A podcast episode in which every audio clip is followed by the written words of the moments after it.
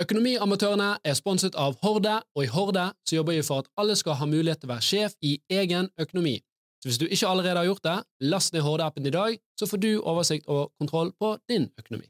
Hei, og velkommen til en uh, ny episode av Økonomiamatørene. Dette er jo en julepod-spesial. vi sitter her i julestudioet vårt. Uh, vi har med oss uh, gjest. En, en, som er veldig vant, mye mer vant til oss til å være på både foran, i hvert fall foran kamera. Eh, Sturle, Sturla Dyregrov. Så han skal være med oss i, i, dag. Vi skal snakke litt om statsbudsjettet. Vi skal snakke litt om Sturle òg, hans bakgrunn, eh, det å være nyhetsanker. Jeg går med meg Jan Tor Kristoffersen. Hello.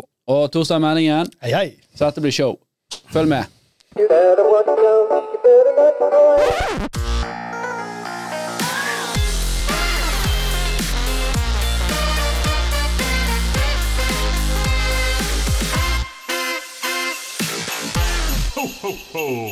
Ja.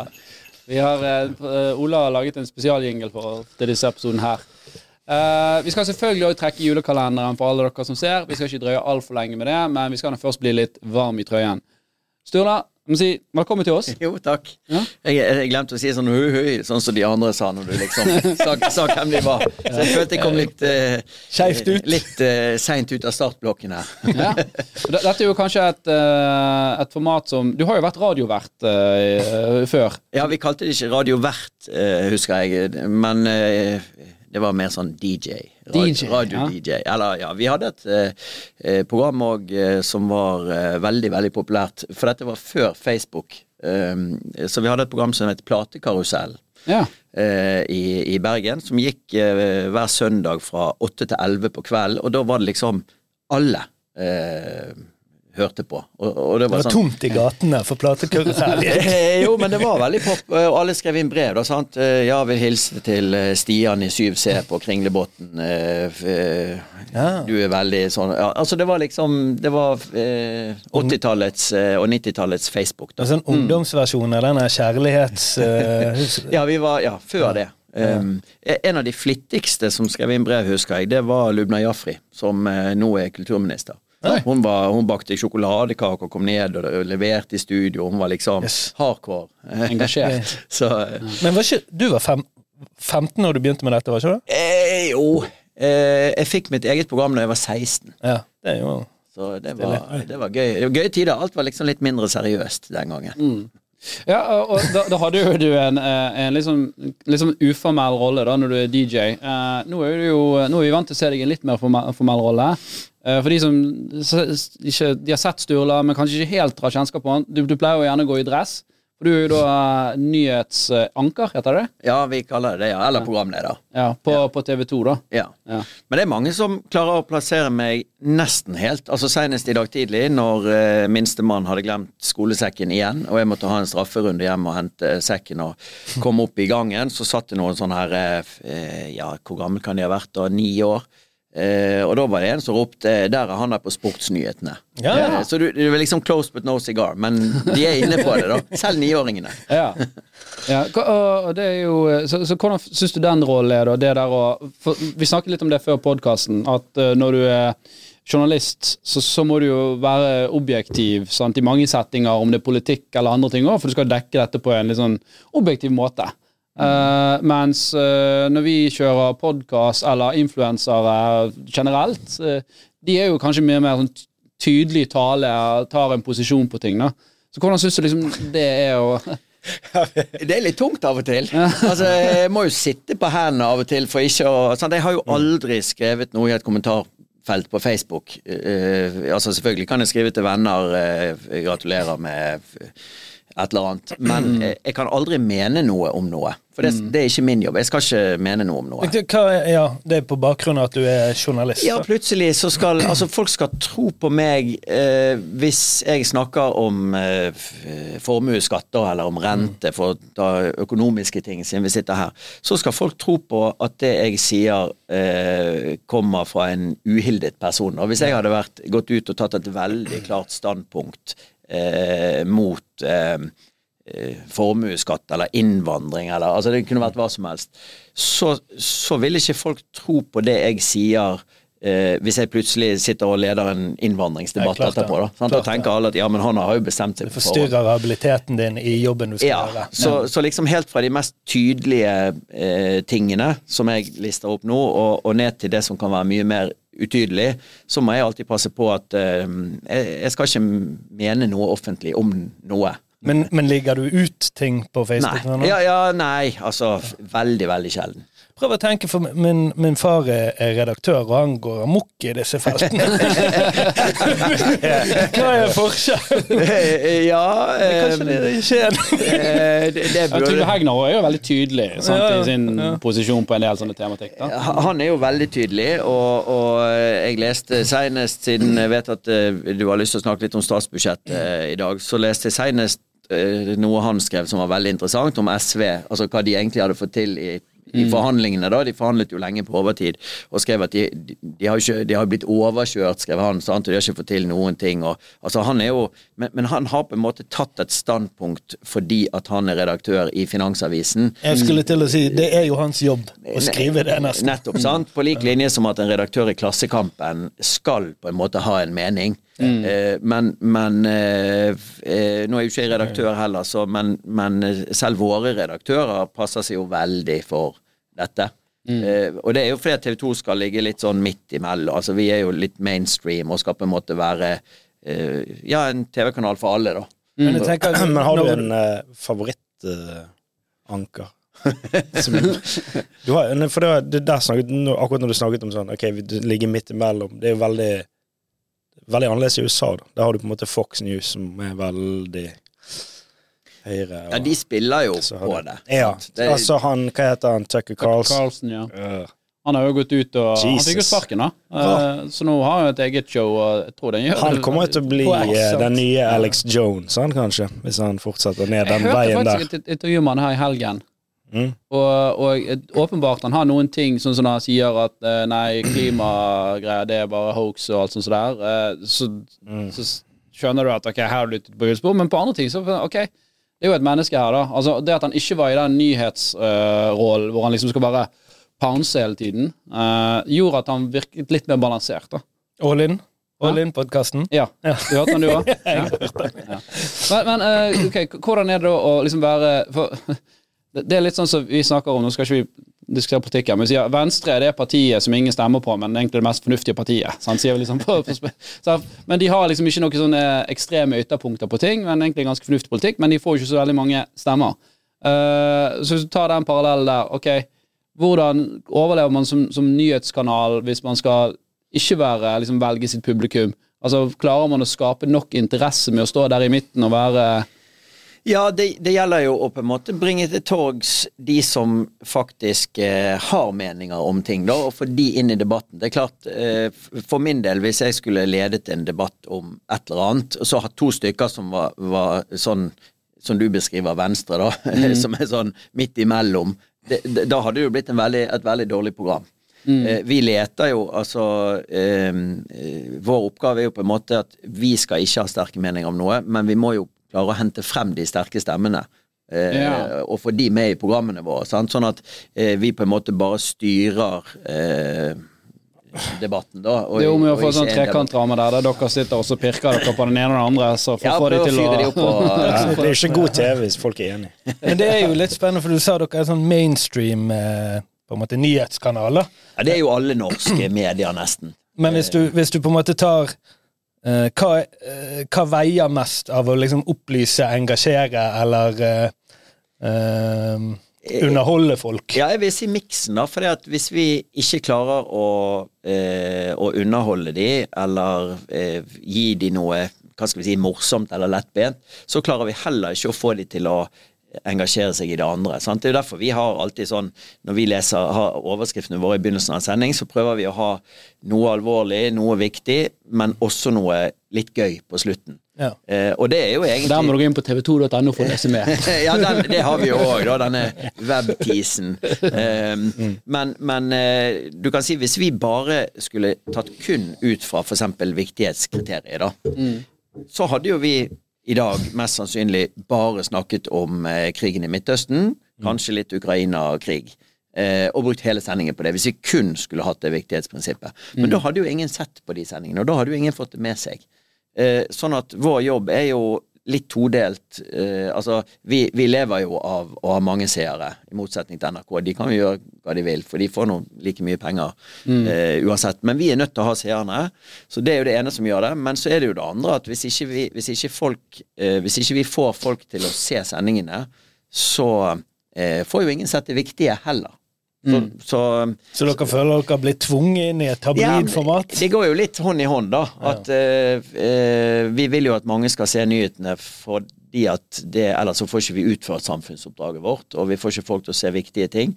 Uh, men for oss er det jo veldig enkelt at hvis ikke folk ser de sendingene, så tjener ikke vi penger på de, og da, da må vi kutte 400 millioner, for eksempel. For jeg hører jo jeg hører mye på BBC, da, podkasten, og jeg hører at nyhetene der, og nyhetene som formidles i eksempel eh, nyhetskanal, det er veldig mye forskjell... Altså, det bortsett fra de aller største globale tingene, så er det helt forskjellige nyheter. Så hvordan er dere velger ut hva som er av interesse for folk? Er det liksom en meningsmåling, eller prøver dere bare å tvinge gjennom en interesse, eller hvordan? Vi har jo mange eh, hva skal vi si, redaksjonssjefer som eh, har meninger om hva eh, folk er opptatt av. Mm. og veldig ofte så eh, er det jo sånn eh, altså Som god journalist tenker jeg at det letteste er at hvis, hvis man får en sånn hæ-opplevelse av noe, så vil mest sannsynlig andre få den samme opplevelsen. Så da bør du ta Man den på saken. Hvis du ser etter. Ja, og beste journalistikken syns jeg er jo den du kommer over ved å være ute blant folk, snakke med folk.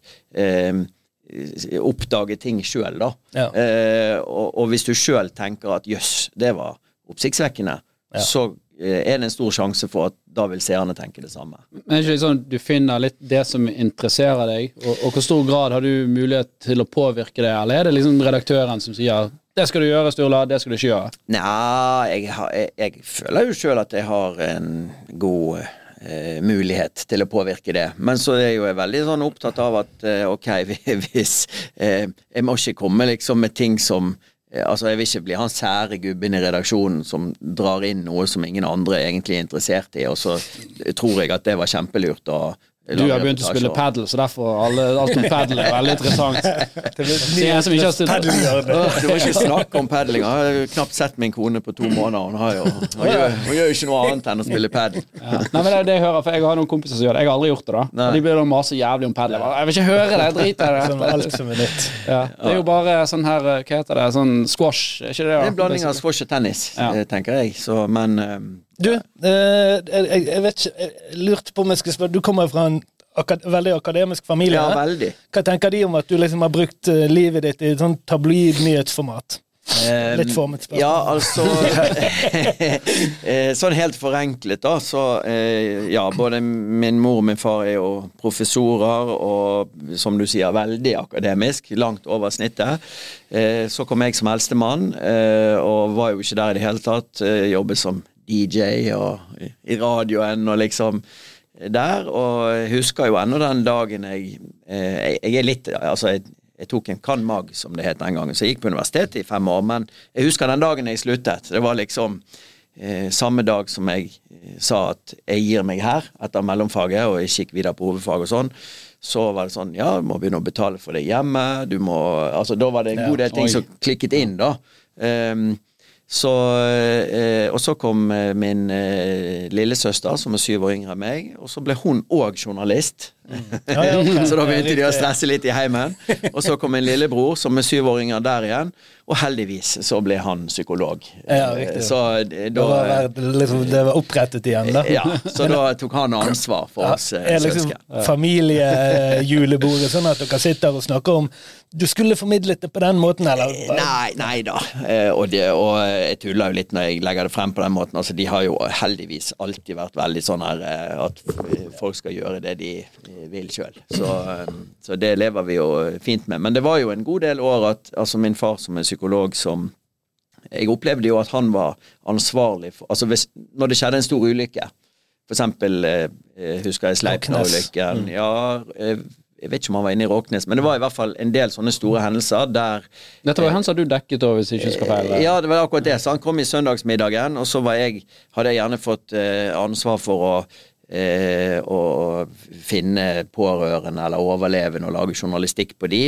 Og så sitter min far ved samme bord som eh, har ansvaret for at de pårørende og overlevende skal Ja. ha det bra. ikke sant? Og, og selvfølgelig sier ingenting til meg. altså han har jo alltid, Jeg har jo fått mange sånne aha-opplevelser. sånn, Her har du, kjenner du alle de har du vært inne i bildet der? sant? Og så har jeg stått på utsiden egentlig og gnagd og prøvd å, Ja. eh, å komme inn uten Hva å visst at han hva ulykke var det du nevnte nå? Roknes? Ja, altså Var det denne den båten som gikk rundt? Det var den som gikk rundt. Men det var ikke du som sto på utsiden? Han, han, Var det du han som sto på utsiden? Det var meg, ja. Var det? Ja, det var det. Det var meg. Ja. Så, og det var var jo en sak som det ble voldsom voldsomt ja det husker jeg. Eh, Det Ja, de bildene eh, gikk jo verden rundt. Uh, heldigvis så overlevde jo, bare for å ha sagt det, de, Ja. altså de som det, det var jo en forferdelig ulykke og mange som mistet livet, men Mm. de tre som eh, jeg hørte rope på innsiden når jeg banket, Ja. de overlevde. Ja, de gjorde det? Ja. Ja, ok. Og Sleipner er jo denne fergen, er ikke det som gikk eh, på Jo, eller hurtig- 90-tallet? ja, katamaran, ja. Ja, så, som gikk. Og der var det vel òg en del personer som Det mistet livet. var en eh, forferdelig ulykke, og det var eh, min første da, da var jeg han rookien som var nyansatt, Mm. som var igjen mens alle de andre var på julebord, ikke sant. Ja. Så, og masse sånne stygge ulykker som har vært opp igjennom. Så det er klart at eh, som utegående journalist, som jeg var i mange år, så kom du mye tettere på. Sant? Nå sitter jeg i studio, så jeg får, jeg får veldig mange flere ting opp i fjeset, men likevel med en viss distanse. Så. Er det et litt sånn hierarki der, at når du skal inn som journalist, så må du begynne der, og så må du liksom pay your dues, og så, og så krang... Er det sånn som vi ser på TV, eh, disse her eh, seriene, og det er liksom sånn en krangel om å være the top dog? Eh, nei begynner vel- det, er så mye sannhet i det, da. Man begynner vel alltid som utegående reporter, ikke man? jo, jeg, jeg syns jo man bør det. Ja, for liksom Eh, Men det er jo samme som med politikerne. Jeg syns jo at eh, hvis det skal sitte noen og bestemme hvordan arbeidslivet skal fungere, eller hvordan altså formuesskatt eller eh, hva som helst, så bør de jo ha vært i manesjen. Og det er jo den store forskjellen med politikerne våre fra før til nå.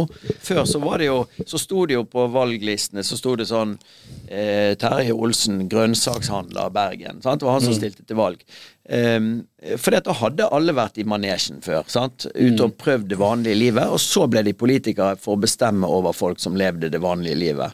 Mens nå så er jo veldig mange politikere har bare gått politikerskolen og aldri vært i det vanlige livet. Og da har de jo dårligere forutsetninger for å liksom håndtere politikerjobben. Og litt sånn er det med journalister òg. At eh, man bør jo ha vært ute og drevet med oppsøkende journalistikk og gravende journalistikk og ja, ute og blitt kald på beina, da. Eh, Det er veldig Det er alltid sånn Denne utegående reporter som jeg husker oftest, er de der eh, som hver gang det er mye nedbør, og det er sånn en liten flom, så kommer det sånn utegående reporter i en kano. Det er alltid ja, eller Oi, her er det ja, og, så, hvis de, hvis de klipper, for jeg har sett noen sånne YouTube-videoer av det der. Det, å, det er så mye vann. Og så bare har de, har de glemt at, det, at kameraet fortsatt går.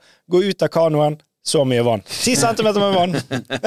Måtte bare få denne Man effekten. må jo lage TV òg. Må lage TV. Det. Det er, det er jo sånn det er, og de beste bildene er jo de man husker. Så. Jeg husker faktisk eh, Første gang jeg kan huske deg som, eh, som reporter, er fra Rocknes, når du sto banket der. og Du Ja, skapte jo et voldsomt engasjement med det. Men hva var det, hva liksom, av alle disse her eh, reportasjene dine, hva er det som er mest minneverdig for Åh, deg? ja, nei, det er Du har vel én eller to oppe i toppen der? Ja, men det, det er minneverdig på så forskjellige Ja, er måter. sant. Sant? Ehm, jeg husker jo for eksempel uh, Altså, jeg var jo um, Jeg har jo kjørt vannskuter med Samantha Fox, eh, ah, ja. for eksempel. Ehm, for, for å ta noe helt tilfeldig. Ja, ja. Men det var ikke i fjor. eh, eh, men altså eh, Intervjue en amerikansk president, for eksempel. Altså, han var ikke Han var riktignok gått av, da, men altså intervjuet Bill Clinton da han var i Bergen. Eh, eh, sant? Det ble eh, på en helt annen måte igjen. Sant? Eh, eller alle disse store ulykkene. Men det er jo først og fremst tragisk når du er oppi det. Men det er klart, du, du vokser mye på det og lærer mye av det. sant? Eh, eh, for et par år siden så var jeg jo eh, ute tre dager i skogen med kompis Håkon, eksempel. Det syns Ja. jeg var utrolig eh, givende å på en måte snakke med han om hvordan han skal bli som kong Håkon, som vi jo vet kommer til å skje. Eh, og, og det å liksom bare oppleve han som en sånn helt vanlig person, eh, ute i blåbærlyngen og, og sånn. Så Samme, samme person foran og bak kameraet. Ja, han er veldig lik, Ja. uh, vil jeg si. Uh, han uh, For inntrykk av vi har vært ganske heldige der.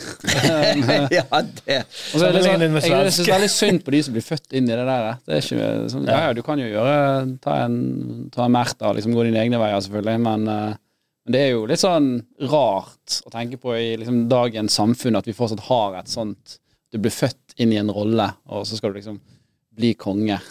Det er jo veldig rart. Eh, og som du sier, vi har vært heldige, sant. Altså, vi, vi kunne jo fått hva som helst. Kunne fått sånn her svensk prins, sånn her party eh, Ja, eller Kunne det. fått uh, hva som helst. Var ikke det? Dette er, en fol det er jo folkevalgt, uh, uh, ikke det? Kongen, Altså, ja, kongen er ikke folkevalgt. nei, den første. Ja, den aller første. Ja, Ja. altså, familien er folkevalgt. ja, det kan du si. Okay, men Sturla, du, du er jo mer enn bare et, et flott ansikt på, på TV-skjermen på kvelden. Du er jo en businessmann. Eh, ja, eh, alltid likt eh, det som har med Alltid elsket tall. Ja. Ja. Prosentregning, og det er så deilig. Akkurat som deg, Jan Tore.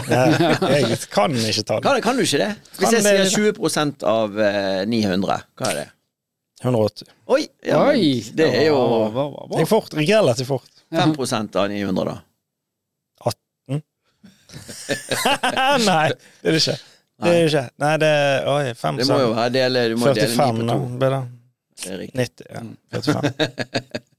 Men, men hva, ok, så eh, er det du har drevet med investeringer da, eller har du bygget bedrift, eller investert i bedrifter? Hva har du liksom gjort? Ja, altså, jeg, jeg jobbet veldig mye fra eh, Jeg var tidlig ung, da. Eh, type Begynte jo å samle flasker på Kyrkjetangen, ikke sant. Mm. Badestranden eh, i Bergen her, Ja. som Vi bodde vis-à-vis, -vis, så jeg kunne se hver kveld det var fest der. Så stilte jeg bare vekkerklokken frem en halvtime. Så på morgenen så fliste jeg over med båten, fylte hele båten med flasker, fliste tilbake, gikk på skolen. Men det var ikke en helårsjobb. Eh, nei, det var litt sånn sesongbetont. Så måkte jeg snø for naboene om vinteren, så jeg var veldig sånn opptatt av det der den gangen. Eh, og så drev jeg butikk i mange år før jeg begynte i TV 2, og det syntes jeg var veldig spennende. Du drev butikk. Drev butikk, ja. Altså dagligvarebutikk, eller hva Eh, butikk? nei, eh, jeg eh, leide ut og solgte lyd- og lysutstyr til Ja. eh, restauranter og nattklubber. Og, LLK. Var det det? Eh, Den het faktisk det, ja. Jo, han er. De som er bergensere, husker sikkert det. Men, eh, Ja. men eh, eh, Og så måtte jeg jo gi meg med det, sant? fordi at jeg begynte i TV 2 og eh, ja, litt sånn kanskje Det er ikke alt som er forenlig med det. Eh, og min flaks, hvis jeg skal kalle det det, eh, var jo at når jeg da fikk en slump penger eh, mellom hendene, så er det jo ikke sånn at vi kan gjøre hva som helst med de. Vi kan ikke investere i type aksjer som vi kan risikere å sitte og snakke om på TV og liksom sånn. Skal ikke ha for mye bindinger og sånn og sånn, så jeg kjøpte nå eiendom for de pengene. Og det er så mange år siden at den, eh, de eiendommene, altså de verdiene, har jo blitt tre-firedoblet, uten at jeg har måttet gjøre noe. Så sånn sett så var, det, jo- eh, var jo det litt flaks òg. Så Kan du, kan du ikke investere i aksjer som ansatt i TV 2 Nyhetene? eh, Nei, det skal vi ikke gjøre. Ah, Og det er litt av samme grunn. sant? Hvis jeg hadde kjøpt eh, eh, masse aksjer i eh, et eller annet eh, I Aker. Sant? Eh, ja, i ja, ja, det, det er så stort at mest sannsynlig så kunne ja. ikke du påvirke kursen. Sant? Sammen med Ja, Equinor. Men, men la oss si du hadde kjøpt i et eller annet lite, eh, altså Aker Carbon Solutions, da. Ja. Um, så inviterer du og og så gir du masse plutselig ja, Og så sitter jeg på redaksjonsmøtene og sier ja, vi skulle ikke laget noe på de der Aker Carbon Solutions. Eh, for det, det har jeg tro på. Og så sånn, lager vi saken, og så eh, kommer saken på nyhetene. Her er et norsk industrieventyr, og så dobles kursen.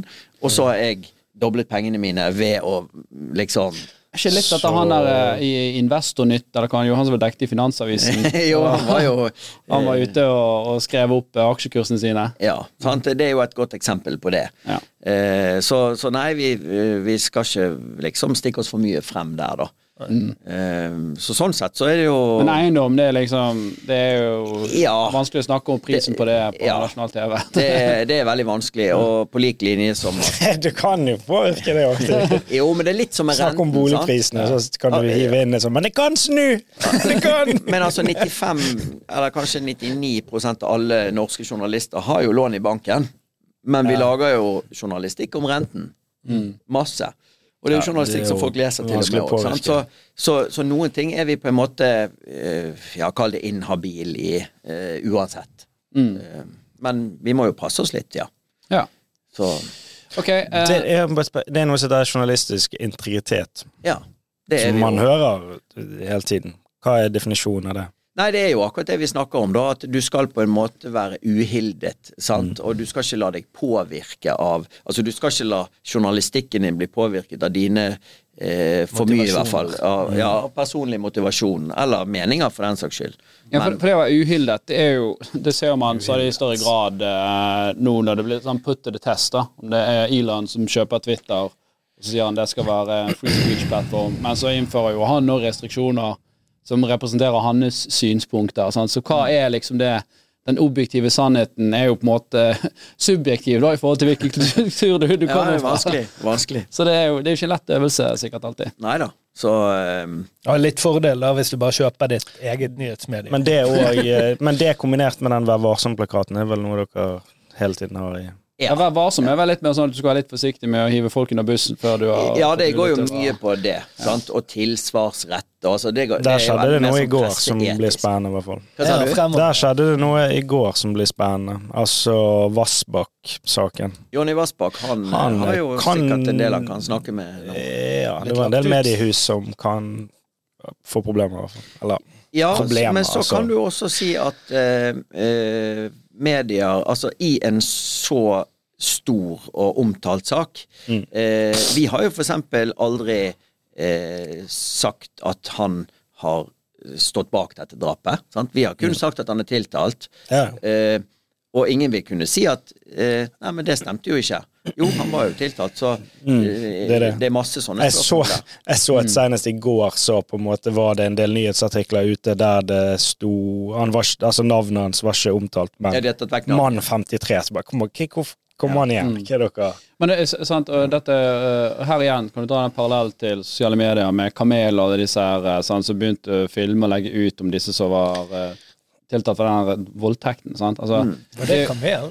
Ja, Kamel hadde jo ja, Han var ikke tiltalt. Jeg vet ikke om han var tiltalt eller ikke. Kamelen Kamel hadde ingenting med det å. Han hang Nei, ut en Ja, han, han hang han ut, da. Ja. Og, så, og så har jo det selvfølgelig Han er jo en veldig profilert person, så hvis en sånn person liksom legger ut sånne bilder av deg, så føler det veldig mye press for deg og skam for familie. Og så kan det være at du var uskyldig, men du har allerede blitt dømt da, eh, av offentligheten. Ja, og offentligheten er jo viktig. Altså, vi Ikke har at jeg jo vet at de var uskyldige, på det er ingen formening om. Men en, en ting som er veldig viktig på det, er jo eh, hvis en person har søkt offentlighet sjøl, Mm. så er terskelen vår for å gå ut med navn og bilde mye, mye lavere. Selvfølgelig. Ja. Eh, hvis en person eh, på en måte har havnet i trøbbel, eh, aldri har søkt offentlighetens interesse, aldri liksom ønsket noe publisitet om seg sjøl, så er terskelen veldig høy. Vi vet jo som regel navnet på alle som gjør ting, vi. For det får vi vite via via eller politi eller rettsdokumenter sånn og sånn. Men det er jo veldig sjelden at vi eh, på en måte går ut med navnet. Veldig ofte vi har lyst til å gjøre det, men vi gjør det ikke. Så jeg har, noen venner, jeg har noen venner som er journalister, og eh, når ting skjer, så pleier jeg ofte Så sender du en SMS til de. Hvem er det? Hvem er det? Hvem er det? Sånn som når man har navnet på han. Vassbakk, da er det fordi at rettssaken går for åpne dører, eller han har jo åpenbart ikke søkt offentligheten. Og, altså, hva vurderinger blir, blir lagt ned der? Nei, der er det det at den saken er så stor og viktig. Ok, så da frafaller hans liksom vern som eh, enkeltindivid? Jo, men lenge så gjorde jo vi Vi hadde jo en egen sånn true crime-dokumentar på Hvem drepte Birgitte. Eh, Der var jo Jonny Vassbakk med, Ja. eh, men fullstendig anonymisert. Sant? Nettopp fordi at eh, på det tidspunktet så var ikke han tiltalt, eh, selv om vi mente at liksom mye kunne peke i den veien og liksom alle de tingene der. Var dette før Bjørn Olav Jahr eh, Eh, det var eh, Ja, litt Det var to parallelle Ja, okay. eh, løp der. Men, men uansett så, så valgte vi å, å på en måte anonymisere det 100 da. Jar var med og laget eh, Ja, ok. den Ja. Okay. Men nå ja. Skal vi gå over til uh, litt hyggeligere tema før vi uh, går, går videre på litt uh, ja, gjennomgang av statsbudsjettet? Det var retorisk spørsmål, var ikke det? Ja, ble vi litt for alvorlig her? Jeg syns det var fint. Jeg synes det var det vi har- fint. Nei, nei, nei. Det var veldig bra. Eh, de har bare, det er veldig mange som er nysgjerrig på hvem som er dagens vinner i julekalenderen. Ja. Så ja, vi, skal, vi skal avsløre det. Og så skal vi eh, trekke en gave. Og ja. Ok, du, Jeg har ikke sett på så mye eh, hva, hva, Hvem har vunnet før? Har det vært noen store summer og premier? og sånn? ja, i går så var det en som vant eh, 100 000 med nedbetalt på gjeld. Hæ, var det? 100 000? Ja. Men, men, men Det kan lønne seg å ha la, gjeld. la, oss si, la, oss si at han, la oss si at han hadde f- 73. Da er det det var- det 73 er han får ned. Ja, sant. Ok. Da kan han da ta opp mer gjeld? Da ville jeg ha tatt opp nei, nei. Da jeg Ja, vi, vi, kan, vi vil jo ikke oppfordre folk til å ta mer gjeld. Nei, men når du først har en ramme, tenker jeg. Ja, typ, nei, ja. vi, vi sjekker dagen før. Så Ja, ok, Under, så dere har kontroll på det. Mhm. Men jeg kan avsløre at uh, i dag så er det Lisa Kristine fra Nordland som uh, har vunnet. Og hun har også skrevet at vi har lov, får lov til å ringe henne. Ja, ja, så- det er jo litt gøy. Ok, Så skal vi se om eh, teknikerne våre får til det. Oi, Ja, det det ringer nå. Ja. Men hvordan trekk, trekker man en gave? Eller skal hun trekke en gave? Ja, nå skal Sturla få lov å trekke ja, okay. for uh, Men hun får ikke 100 000 hun? Eller? ja, Det kan, kan være, det kan det vet vi ikke. Kan det er alt, hva er det? Ja, er det mellom helt 10 kroner og 500 000 som ligger der? Hallo? Hallo? Hei, Lisa Kristine.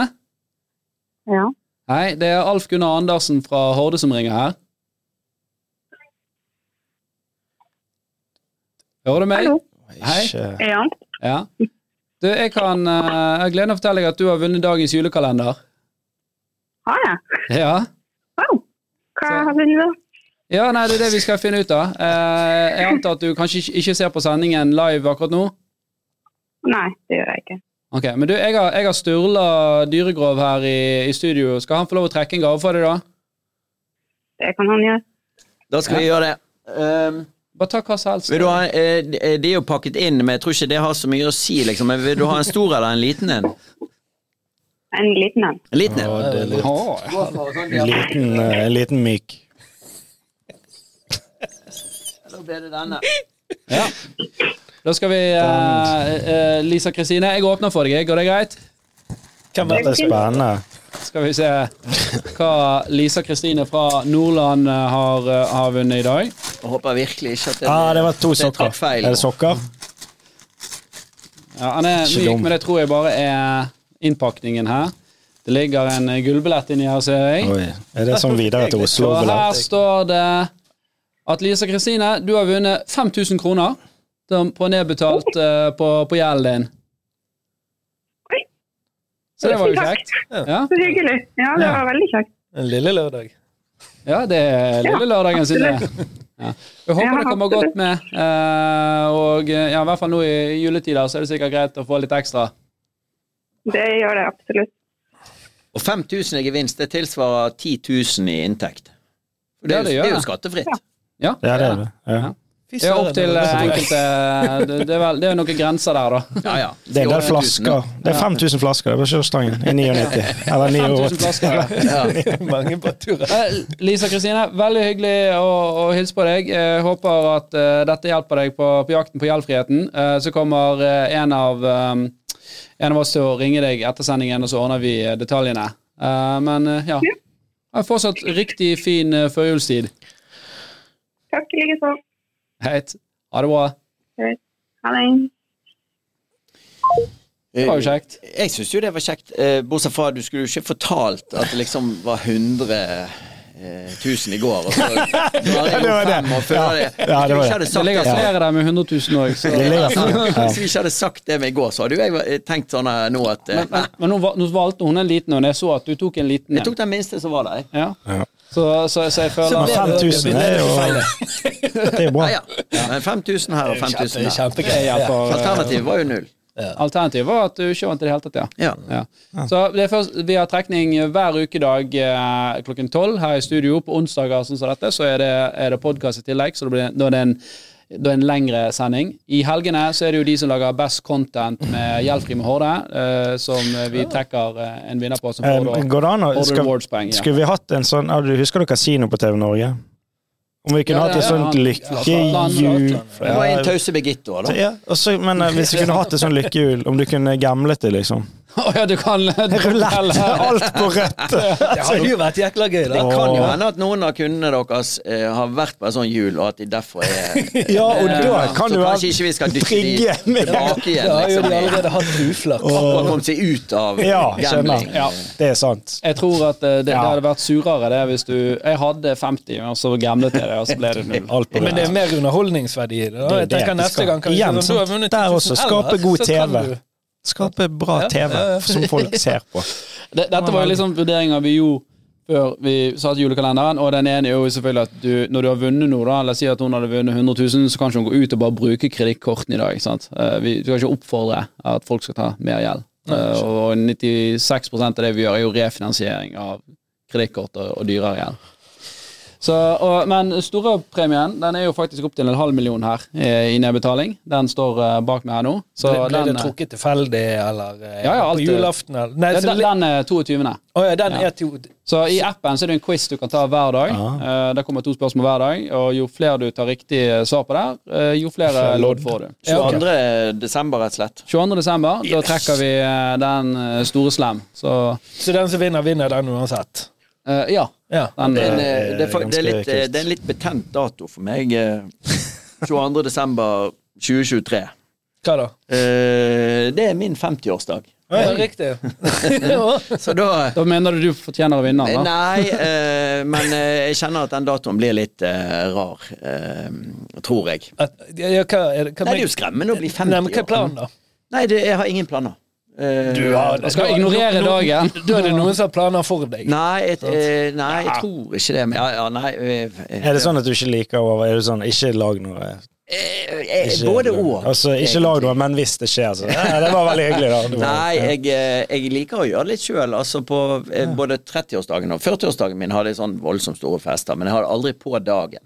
Ja. Jeg blir 50 helt stresset av sånn Facebook, altså å se nye liksom 30, ikke? At det ruller inn sånne her eh, notifications på Facebook, og så skal du Jeg, jeg skriver jo aldri 'gratulerer med dagen' til noen andre, så gjør plutselig alle det til meg, og så jeg blir nesten Ja, bare det, er det er et sånt regnskap. Du må sånn Hvem er det som Ja, der er, det, det skeiveste regnskapet jeg, jeg eh, Men det, du, kan bare, du kan gå inn og så slå av veggen.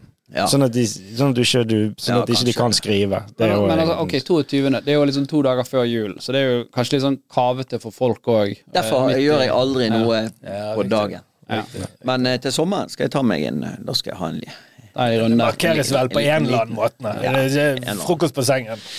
ja. Det verste med å bli eh, 50 er jo ikke tallet 50. Det verste med å bli 50 er jo tallet 60. At liksom det, Det er- som skal skje For, for eh, 60 høres helt sinnssykt ut. Mm. Eh, 50 er liksom Men er ikke det sånn 50 er det nye 40 nå, da?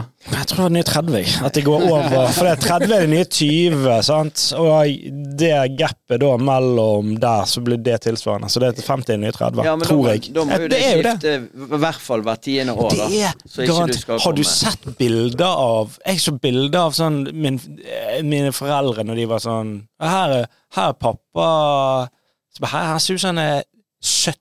Ja, han er 32. Han er 32. Det er alltid frisyren. Jeg så Så bilder av min oldefar. Sånn svart-hvitt bilde. med sånn pipe 40, og. Det var for konfirmasjon. Er sånn permanent, sant? Ja, ja. I, liksom fra de eh, 23. Så det, vi blir eh, Jeg tror vi blir yngre. Eller Ja, men jeg, jeg er jo òg forbi den alderen fra når eh, liksom, du, nå, nå husker jeg min far, da. Eh, sant? For Jeg, jeg husker at når han eh, eh, Nå er jeg 37, men husker han hans 40-årsdag og sånn, så, så nå husker jeg Altså, jeg kan, jeg kan huske tilbake igjen at nå er, jeg, ja. nå, er, nå er jeg eldre enn det jeg var da jeg var liten. Ja, det der er skremmende. Jeg husker jo mine foreldre sin 50-årsdag. De Mm. fylte 50 nesten samtidig. Altså, da lagde jo jeg sånn tullenyhetsinnslag, for jeg jobbet jo i TV 2. Eh, og hadde jobbet i TV 2 i, i årevis, sant? og Nils Gunnar Lie og Kari Birkeland ledet en nyhetssending om de, og alt var bare tull, og vi viste det på storskjerm, og de lo og hei og hå. Eh, men jeg blir fem, altså mine barn eh, må liksom Ja, de- hente de- på SFO-en Ja. etter jobb, sant. Og de lager ingenting. De, de får du Nei. Du får ikke maks en tegning, ja, maks en tegning. Nei, men det er skremmende å tenke på uh, at uh, at At dine barn er så mye mer umoden enn det du var når Ja, og så tenker jeg sånn Nå er er jo, mine foreldre er jo noen og 70, sant, og, og reiser jo rundt og koser seg, og barna deres er voksne og klarer seg sjøl. Men, men når jeg er 70, så er jo yngstemann ja, er jo knapt ferdig med tenårene, så Ja.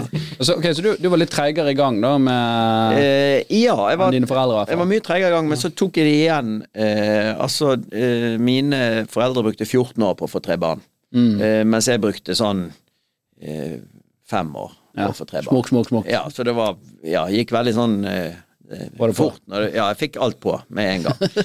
eh, sånn at det, eh, jeg tok det jo nesten igjen, da. Mm. Nei, men det Ja, jeg, eh, jeg har to nå når jeg er 37. Eh, Jeg vet ikke, vi har snakket litt om det, men samtidig tenker jeg at det, det holder òg. Du vet jo aldri. Er det, hvor mye økonomi var Nei, nå er det statsbudsjettet. Nå er det statsbudsjettet. Um, Ja, da vil jeg begynne å- uh, på statsbudsjettet med å bare si at det er én ting jeg får litt kok av, og det er ikke fordi det er så veldig mye penger det er snakk om, men jeg føler det er litt sånn karma. Og det er jo SFO, uh, Ja. som de uh, innførte gratis første trinn. Det var det året eh, min yngste begynte på andre trinn. Mm. Og så i fjor så økte de det. Da tok de gratis andre trinn også. Det var det året han begynte på tredje trinn. Og nå har de økt igjen. Nå tar de stigen opp til nå blir det, For neste år så blir det gratis SFO på tredje trinn. Og det er det året han går opp på fjerde trinn. så du har bommet? jeg har, jeg har kjørt tre stykker gjennom den SFO-en. Koster jo eh, eh, 10 000 i måneden, da. Um, Oi. Altså, men, men hadde de blitt født eh, bare hvis, alle, hvis jeg hadde begynt tre år seinere, de hadde blitt født tre år før, så hadde alt vært gratis hele veien. men er, er du for det? uh, ja Jeg ser jo hvordan det kan være litt kjedelig at du ikke fikk med deg den Altså, alle alle er jo for- for det Nei, som du får gratis, men alle, er ikke, alle er jo ikke for å få alt gratis. Jo, det er klart at, eh, at SFO-en er gratis. Det er jo fint for eh, det er Når du har barn, Ja, vil du ha det. barn Men du, du- Det- du kan jo ideelt sett ta et valg kom, om at det er et bra eh, alternativ uten at du har barn. Men hvis du har barn, så kan du også si at nei, jeg mener man skal betale for denne tjenesten. ja. Hvis man ikke har barn, så er det klart at å betale skatt, så er jo man med på å gjøre, betale for at livet skal bli enklere for de som har barn. Og det vil jo kunne føles urettferdig, selvfølgelig. Er det det du sitter og koker Nei, på? det var, det var ikke det men, men det er mitt tilfelle, ja. Ja. Men det er litt sånn uh, forskjell da i dag kontra Jeg ble født i 86, Uh, uh, og på 80-tallet, når du da fikk barn Du hadde liksom ikke hva er det, ni måneder med fødselspermisjon og ferie og sånt. Da var det gjerne to måneder, da. eh, Eller sånt de hadde. Og så måtte du liksom ordne deg med dagmamma eller whatever. Og renten var 12% så du måtte i hvert fall jobbe for å ha hus. Ja. Sånn, så, så, så det er jo liksom et sånn her eh, Ok, man skal jo ha en økt velferd, det må jo være målet. Sant? At vi har mer verdiskapning og økt velferd, men samtidig så er det jo liksom, som du sier, liksom, ok, hvor går denne balansen for når er det liksom du må ta ansvar for, for deg sjøl, og når er du ikke må det? Du blir jo liksom vant til at ok, men politikerne eller staten skal ta vare på meg. Ja. Det er jo mange tjenester der ute som man selvfølgelig helt sånn hodeløst kunne sagt at ja, dette hadde vært deilig for gratis, men rent ideelt så mener jo jeg at alle bør betale for det at man skal liksom må til eh, legen, eller hva det skal være. Så det er jo ikke helt eh, nødvendigvis sagt at, eh, at gratis bare er bra. Nei, altså det jeg, jeg tenker liksom viktig er jo noen fundamentale ting, da, sånn som eh, utdanning. At alle liksom har, har rett. For det, det tror jeg er en veldig sånn viktig utjevner for ikke liksom skape klasseforskjeller. Hvis det kun sånn som i USA at det er så dyrt å gå på college at det er kun eh, rike foreldre som kan sende barna sine der, eller så må du kjempe om et sånt stipend som det er veldig få av, så, så klart at da blir det et eh, utvidet klasseskille.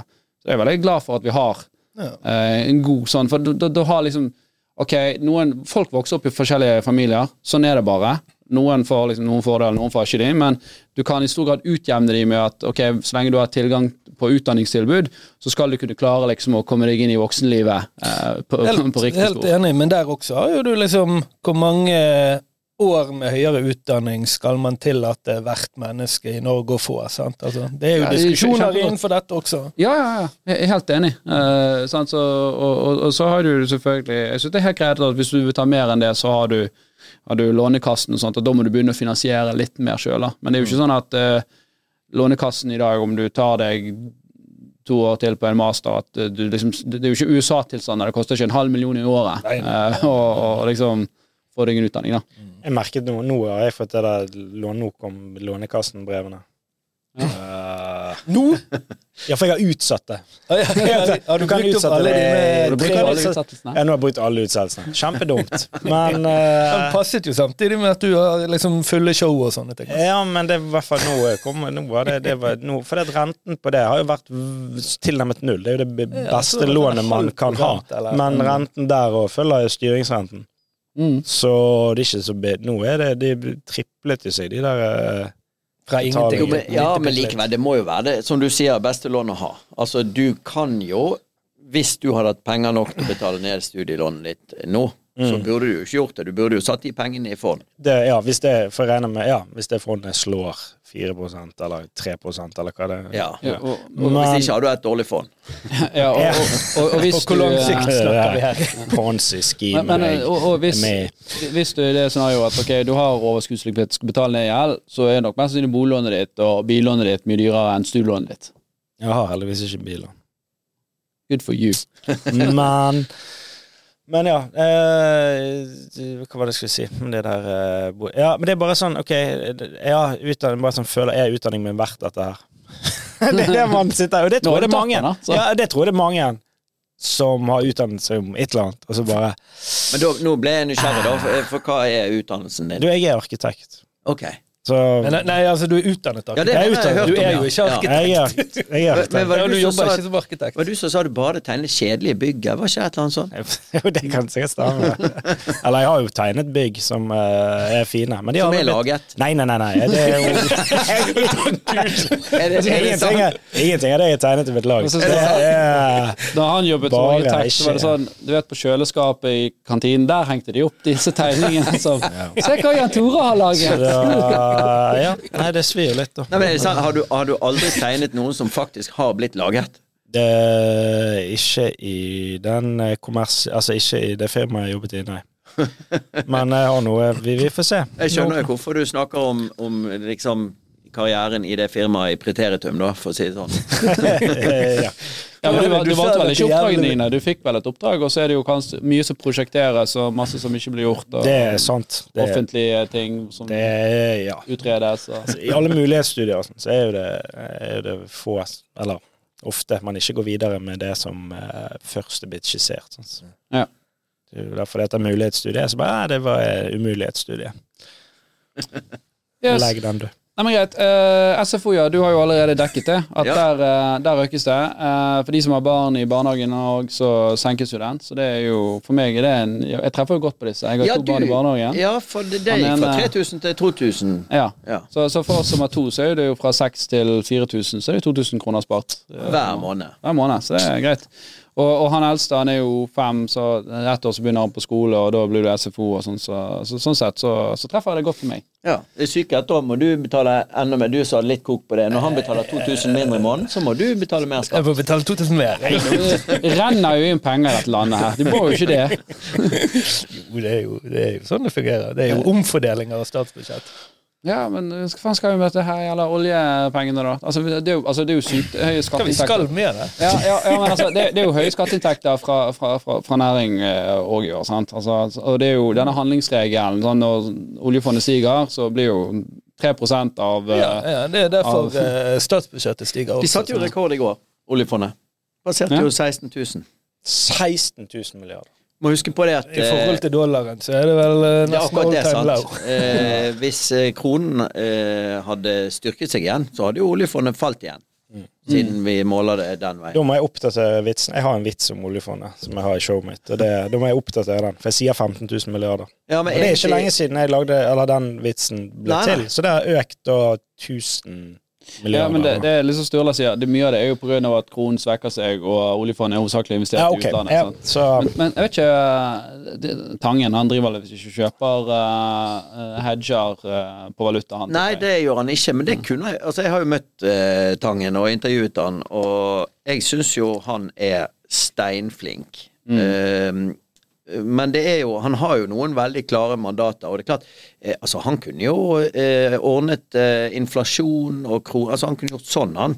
Og så hadde eh, vi hatt nullinflasjon i Norge. Han kunne jo bare styrket kronen litt. Og det, eh, eh, det er jo bare Altså, oljefondet kunne jo bare kjøpt litt norske kroner. Eh, eller la I dag er det omvendt at Norges Bank faktisk selger. Eh, Jo, eh, så i, i teorien så hadde de ikke trengt å kjøpe, de kunne bare sluttet å selge. Ja. Eh, Så hadde jo det der, Og da hadde jo inflasjonen gått ned, og renten gått ned. Altså alt hadde endret seg, sant. Men så, så vil de jo ikke helt det, da. Hvorfor vil de ikke det? Vil de ikke? Man vet jo ikke hva Tangen vil, da, men, men han har jo fått den beskjeden. At ja. det Er ikke det der litt sånn her altså, Typisk. Altså, det er det sånn bedrifter som går for å dø, de gjør sånne ting. De sier verden er sånn, og så styrer vi i siloer, og vi tenker ikke på hva som skjer utenfor vår, vår silo. Det har jo han fått beskjed om. Eh, men eh, eh, og, og han er jo Jeg husker at når jeg snakket med han, så eh, Han skjønte ikke det der med ferie, hvorfor folk skulle ha ferie. Han sa jeg jobber noen år, 365 dager i året, døgnet rundt, og så tar jeg heller ferie i noen år. Det er hans tankegang. Ah, okay. mm. Så han er jo så inni dette. Han kan styre Altså, Det der er jo litt det er Unnskyld, jeg må bare ta det. Det er jo litt arrogant sagt, for han, han står ikke og vasker toaletter. Sant? altså, han, han har sikkert en jobb hvor han får liksom selv, realisert seg selv i det arbeidet. det får han, men jeg tipper han jobber knallhardt. Ja, helt sikkert. helt sikkert. Men han sitter ikke på telefonen i gjensidige. Eh, Men ja, videre. Men, men, men samtidig også tror jeg òg at eh, det der å, å tatt et år ferie ikke nødvendigvis er supersunt heller, for jeg tror veldig mange trenger den strukturen. da. Altså, det, det er kjekt å sitte på stranden en ukes tid. eh, To uker med, med det, så begynner du å bli lei. og Ja, jeg, jeg tilhører jo den gruppen. Altså, jeg har eh, aldri eh, vært vekke fra Bergen mer enn tre uker sammenhengende. Jeg har aldri hatt ferie mer enn tre Tre uker, liksom. Eh, det har vært maks, maksen min. Da, begynner, da blir jeg helt Få Får litt sånn Stresset. halvangst baki der, gjør ikke man det? eh, Jo. Ja, Må tilbake til hverdagslivet, da. Ja. Sjekke at alt er der fremdeles. Er det noe mer eh, artig som skjedde? Eh, ja, eh, det ble et litt løft for, eh, for studentene. Studiestøtten øker med 10 så- noe som skal tilsvare 14 000 i, eh, i året for en okay. student. Ja. Så det er vel eh, Ja, det er vel i tråd med prisstigningen. Ja, Det betyr at du fortsatt må jobbe 100 eh, som student ved siden av å studere. Nå er ikke det Men du slipper å jobbe 110, da. Ja, du slipper det. Så det er veldig, veldig bra. Eller så blir det enda dyrere å være rik. Eh, innslagspunkt for trinnskatt trinn 5 er senket til eh, 1 350 000 kroner. Så det betyr at du har en sånn trinnskatt i Norge. Sant? At eh, du har, Jo lavere inntekt du har, jo mindre skatt betaler du. Og så er det sånne forskjellige trinn. Så de har tydeligvis gjort det dyrere da, for de som har veldig høye lønninger. Ja. Ja. Noen må jo betale for disse barnehageplassene dine. Ja, det, det er nok det.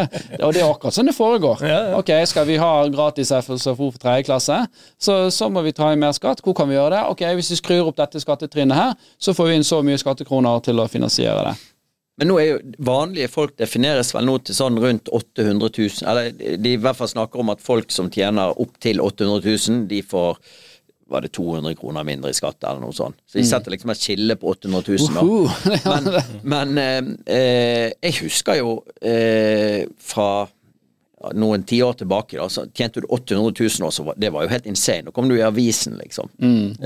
Ja, det, det, ja, jo, det later jo eh, noe- eh, jeg sa det noen tiår siden. Ja, ja, noen tiår siden, ja. Men tenk hvor, vanlig det, tenk hvor vanlig det er blitt uh, at liksom folk tjener en million. Altså, eh, da jeg gikk på skolen, så var det jo sånn 300 000, og hvis noen tjente en million, så snakket vi om det, liksom. I, Ja, men, det er jo, men derfor ble jo på en måte uttrykket millionær er jo, Det Det er er jo, jo utvannet. Det er jo ferdig. det er kraftig utvannet. Ja. Millionær. Det er jo hvis du eier en torom, så er du en altså, bolig. Hvis du har altså, det.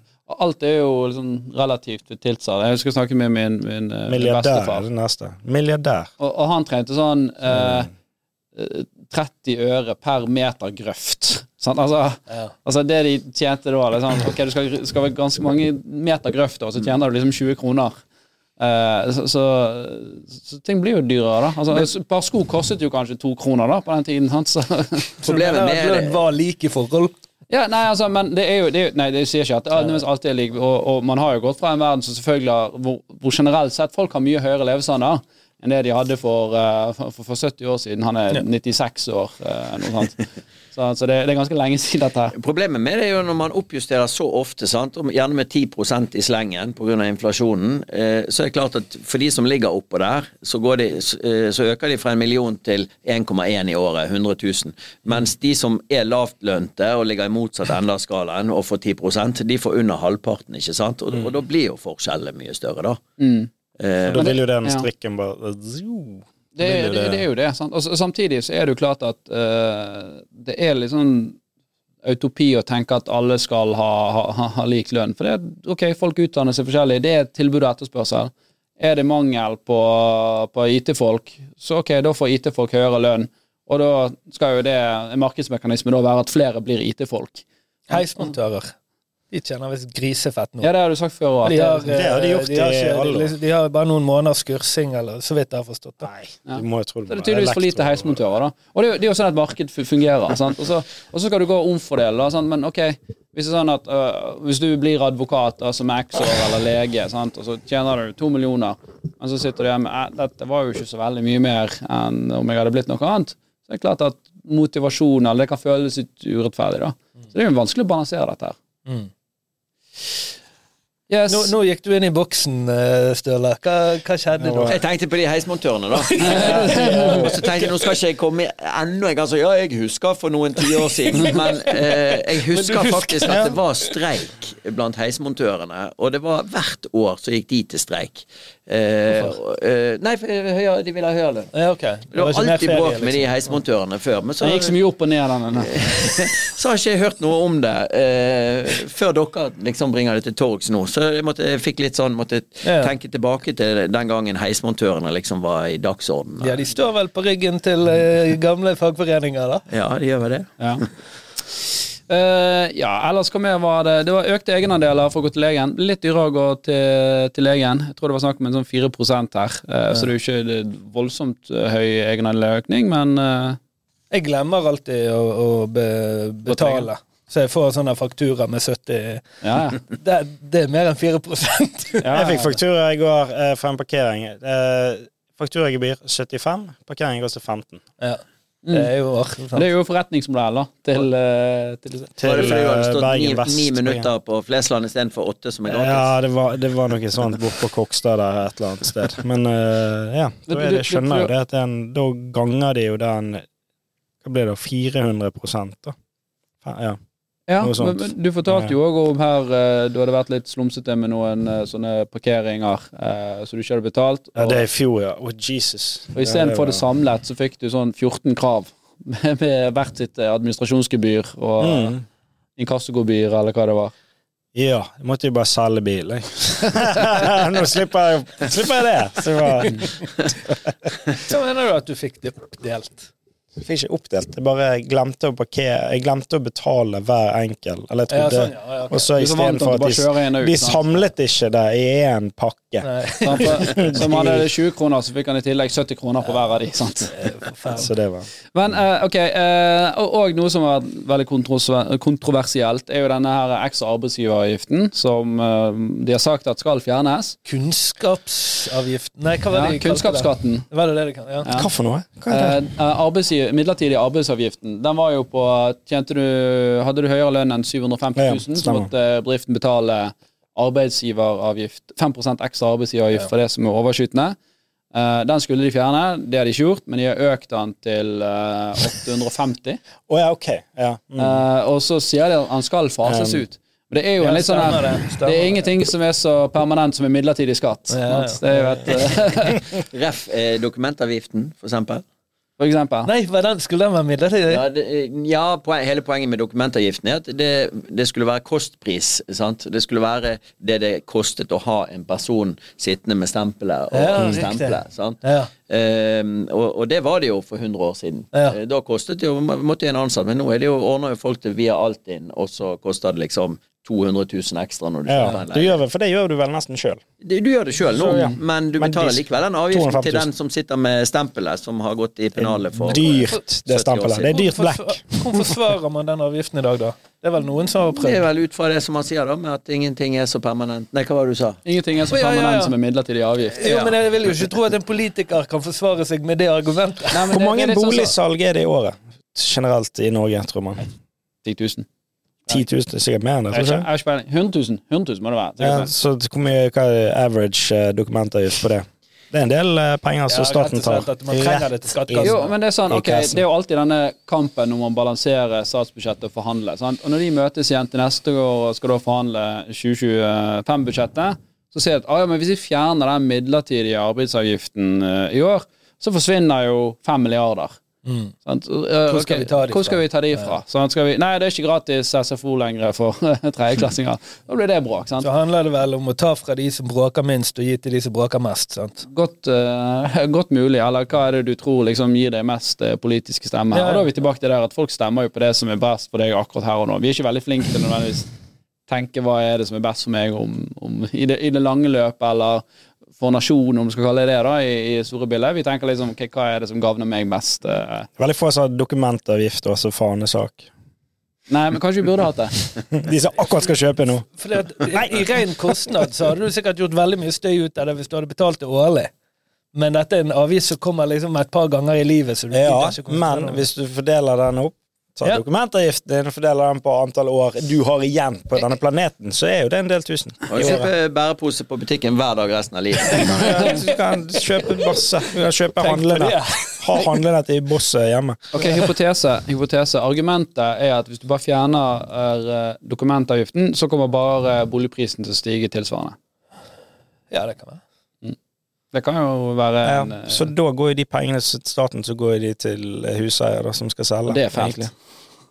Eller de går rett til megler, som er verre.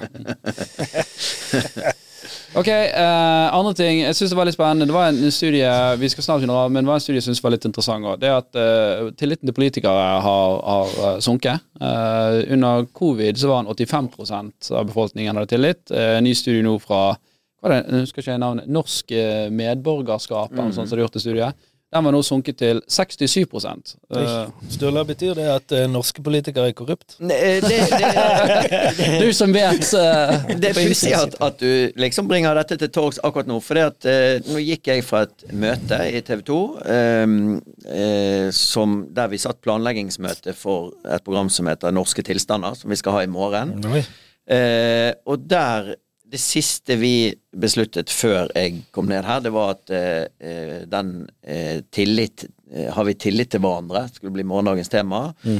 eh, og vi hentet ut medborgerundersøkelsen som du refererte til, som eh, ikke har vært snakket så mye om før eh, nå. Eh, og snakket om tilliten til politikere, som på en måte blir en del av programmet. Så dette skal jeg sitte og jobbe med resten av dagen når jeg går herfra. Da. for, ja, Spennende. Da kan vi, da kan vi hjelpe deg kickstart her ja, nå. du kan hjelpe litt. For, Ok, her, her er jo eh, For det, det som eh, jeg òg forsto ut fra den undersøkelsen, er at det er folk med lavere utdannelse, og de som bor i grisgrendte strøk, de er mer skeptiske enn enn de som bor mer sentralt og, og har høyere utdannelse. Eh, Så kan man sikkert synse mye hvorfor det er, da, men jeg syns det var jo òg litt sånn spennende. Er det fordi at man har i større grad eh, hvor man får nyhetskildene sine fra, eller er det at man føler at eh, politikken i Det er nært. Ja, sant. At det, føler man for stor avstand til politikerne, kanskje, Mm. jo, jo, i disse forskjellige gruppene. Jeg vil tippe hvis du går på uh, operahuset en gang i uken, så har du mer tillit til systemet enn hvis du står i Mo i Rana uten busstilbud. Kanskje? Skal du være så jævla fornuftig hele tiden? Nei, men det er jo det Ja, det med tillit. Det- er jo utrolig fascinerende hvor forskjellig det med tillit slår ut. Eh, altså, eh, ute på eh, vestkanten i Bergen her, så er det en kar som har satt ut masse blomster og noe jord og gjødsel og sånn, og sier mm. bare forsyn dere, og så betal med vips. Jeg stoler på folk. Og jeg syns jeg så noe i avisen om at han, han sa noe sånn som at det er ingen som stjeler her, og dette går helt greit, og ehm, Det er jo Det er jo ikke akkurat veldig- så- Det er Bergen Vest, Ja, det er Bergen. Ja. For det samme gjør så- oppe i Blomsterdal. Jo, men så har du to det- kilometer unna, ikke sant? På, eller eh, fem kilometer unna på, eh, på Laksevåg. Der var det noen som startet butikk som skulle være åpen døgnet rundt. Folk skulle vippse og gå inn og betale. sant?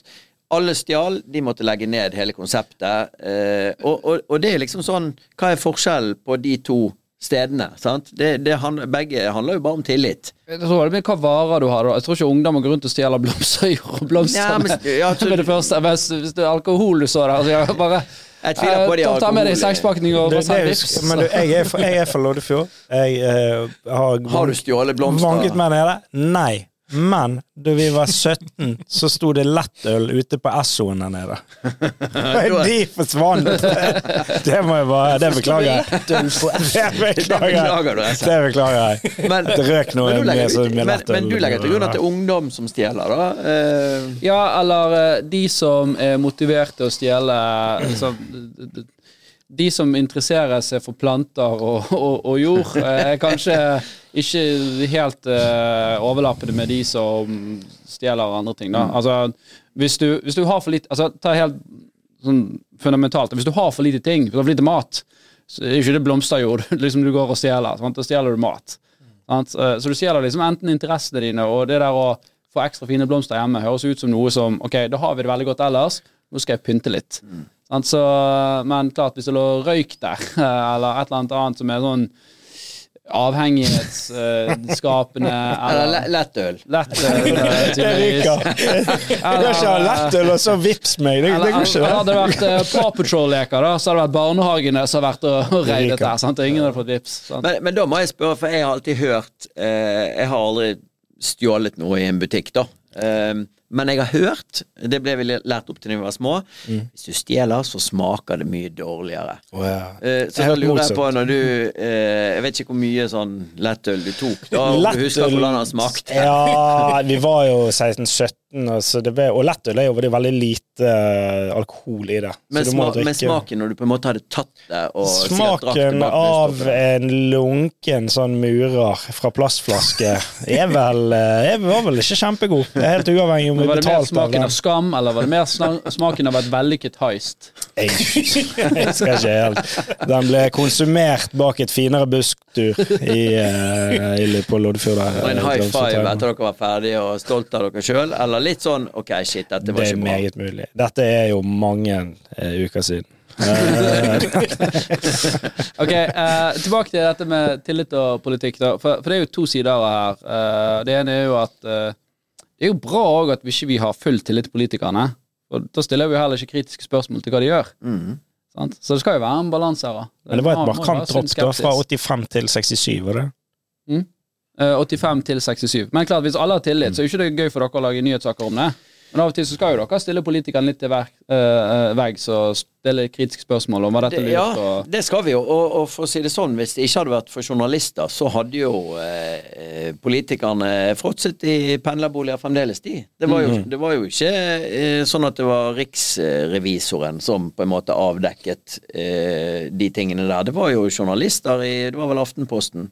Eh, E24 avdekket dette aksjehandelgreiene. Altså det er jo det er veldig mange sånne ting som handler om politikere, altså hva de kan gjøre og sånn, som blir avdekket av eh, mediehusene.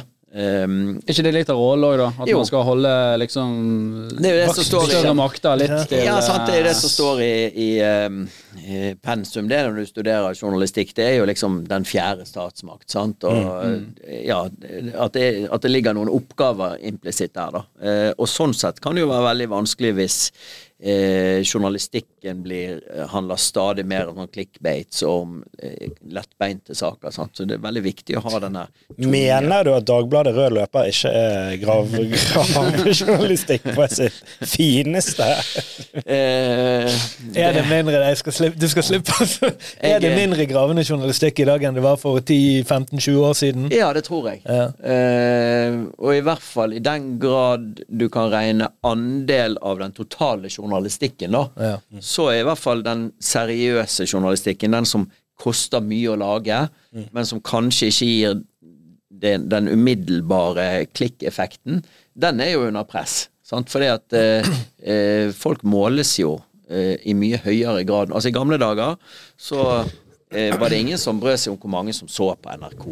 Eh, det var ingen som eh, Avisene kunne skrive nesten hva de ville. Altså, eh, folk hadde abonnement likevel. Sant? Nå er de avhengig av at saken klikker på nett der og da. Um, ellers så, så har ikke de inntekter. Så det er klart at eh, hva mener du at man i større grad burde hatt eh, statsstøttet eh, medier, da? For det, det har jo òg liksom en litt sånn det, da? jo, jo da, du har jo det, men Ja, det er ikke mye statsstøtte igjen. eh, ikke det? Hvis du ser bort fra NRK. TV 2 har vel blitt ganske greit subsidiert opp gjennom, eller? Jeg hører du sier det. Eh, Jeg er ikke enig. oh, nei, nei, nei, Nå har de tatt vekk momsen på nyhetsjournalistikk, for eksempel, sant? Eh, som er 150 millioner i året. Og så sier de at vi har, har allmennkringkasteravtale. Der får vi dekket inntil 150 millioner i året, men det er jo for å gjøre helt spesifikke ting, som f.eks. har hovedkontor i Bergen, som gjør at det reiser masse folk mellom byene med fly hele tiden. De billettene kan vi få kompensert, sant. Ja. Men, men eh, eh, for folk som liksom sier at TV 2 har noe sånn sugerør ned i statskassen, så pleier jeg å si at ja, men vi har hageslange tilbake, sant. At Ja. vi omsetter for 6 milliarder i året. Så for hver Altså vi betaler moms og arbeidsgiveravgift og eh, you name it på alle andre, så jeg vil tippe at for hver eh, krone vi får ut gjennom den allmennkringkastingsavtalen, så betaler vi mellom 10 og 20 tilbake igjen, sant, i form av avgifter og ting og tang. Men ligger ikke det en avtale om at dere skal få tilgang på alt eh, NRK sitt materiell? Som igjen egentlig betyr at dere får denne store banken med nyheter. da dere kan Ja, ja, det var, ja vi, vi har en samarbeidsavtale med NRK som gjør at i enkelte tilfeller så eh, Hvis de er sender en pressekonferanse for et eller annet sted, så kan vi tappe de i signal. Ja. Men det er ikke noe sånn her eh, fritt frem. Vi må på en måte spørre kan vi gjøre sånn og kan vi gjøre sånn. Vi har ikke tilgang til arkivet deres og, og sånne ting, da, men Det det er jo noe sånn der at eh, sånne saker som er viktige for liksom befolkningen, altså Ja. rikets sikkerhet? Da, da, da har dere rett på det. Hvis vi ikke er på et sted sjøl med eget kamera, og de er der, så eh, er det sånn at vi kan spørre de. Kan vi tappe signalet deres fra, eh, fra det steinraset, sant, for eksempel. Ja. Eh, men, de kan, eh, men det må vi spørre om for hver gang, og så må de si ja eller nei. kan, er det, kan NRK ha de noe til- med TV 2? Kan de Eh, ta, tappe tilbake? Kan de tappe sånn Du vil ikke tro hva som skjedde når Det er jo vanskelig for oss å si nei til de, sant? men jeg husker jo eh, Altså, i alle år så var jo det eh, Da var det vi og NRK som hadde levende bilder. Ingen andre. Ingen, det fantes ikke nettaviser engang. Sant? Så det er klart at når vi skulle... Hadde ikke TV Norge nyheter òg i sin tid? Eh, Jo, men det var også meg som hadde de.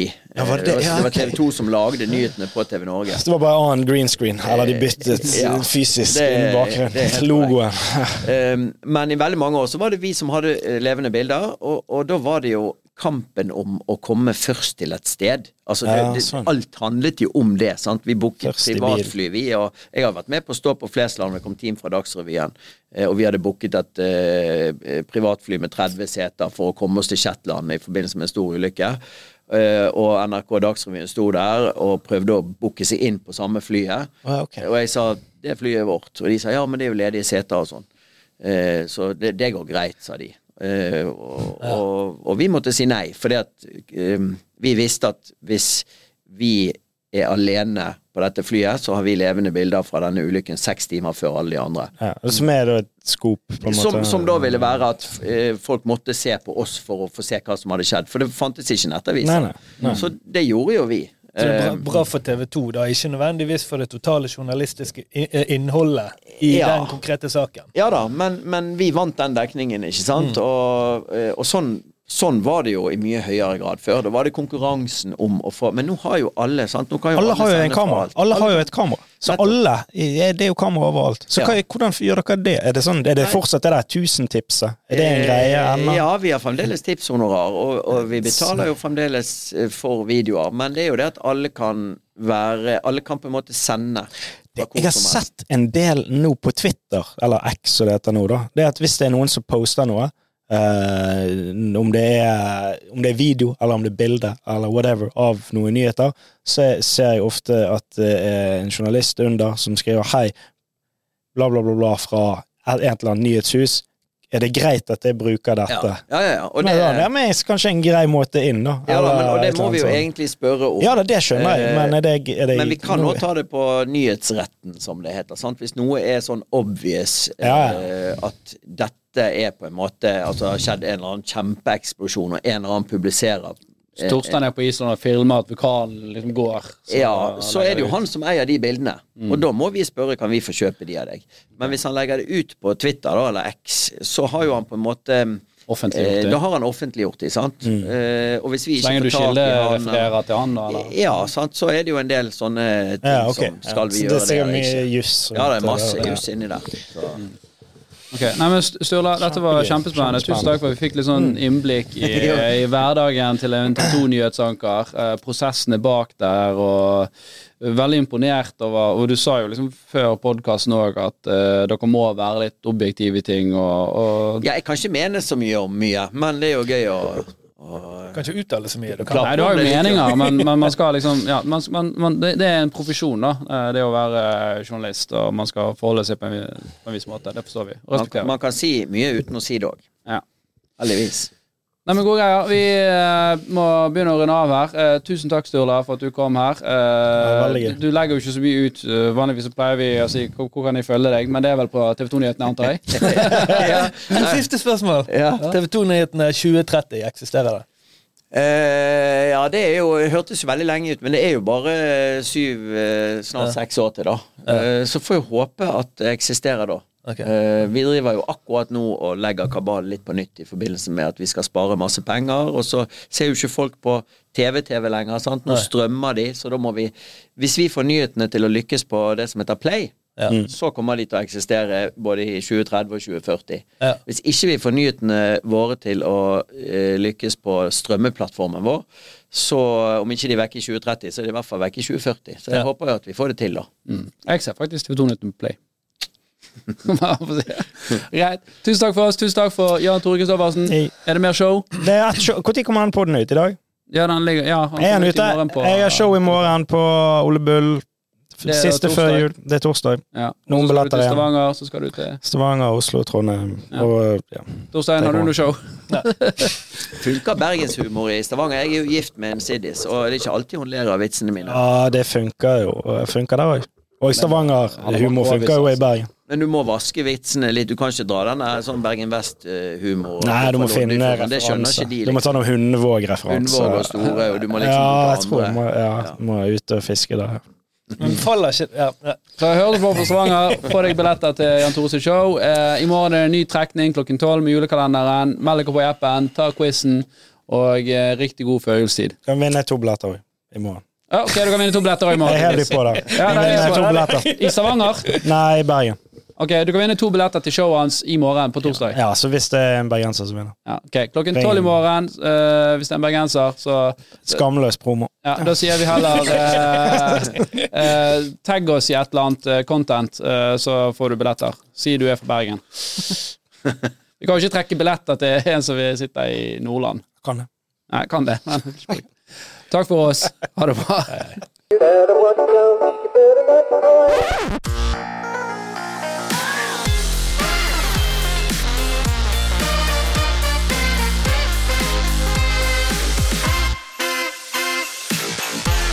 ho, ho.